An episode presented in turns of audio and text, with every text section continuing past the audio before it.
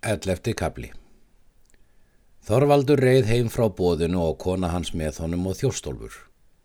Hann fyldi hesti hallgerðar og töluðu þau jafnan. Ósvífur veikað síni sínum og mælti. Unir þú vel ráðinu eða hversu fór tal með ykkur? Vel, segir hann. Alla blíður let hún uppi við mig og mátt þú sjá mót á er hún hlæri við hvert orð.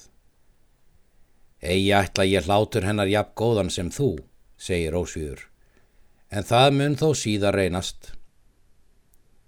Þau ríða þar til er þau koma heim. Um kveldi satt hún hjá bónda sínum og skipaði þjóstólfi hið næsta sér innar frá.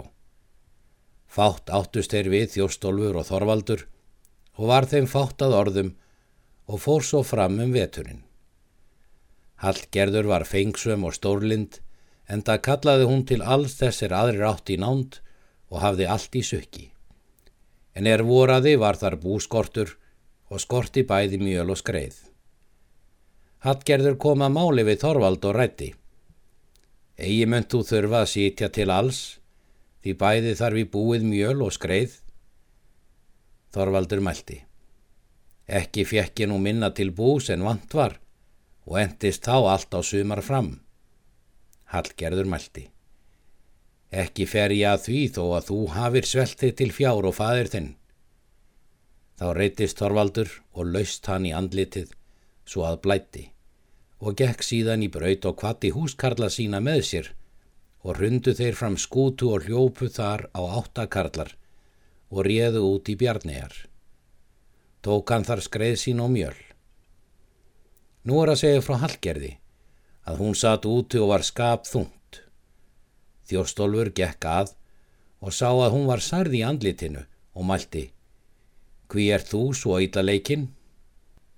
Þorvaldur veldur því bóndi minn, sagði hún, og stóðst þú mér þá fjarrri ef þér þætti nokkuð undur um mig.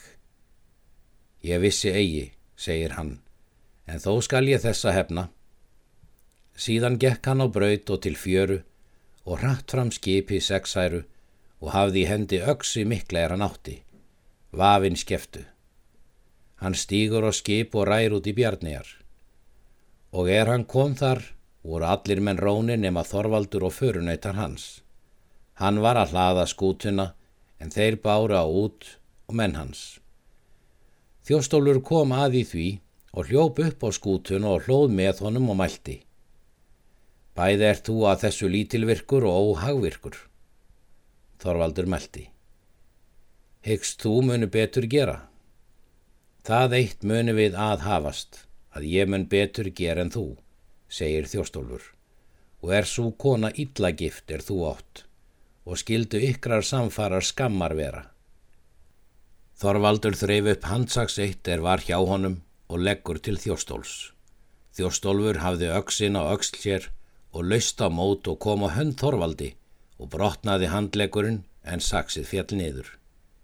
Síðan færði þjóstólfur upp öksina í annað sinn og hjó í höfuð Þorvaldi og hafði hann þegar bana.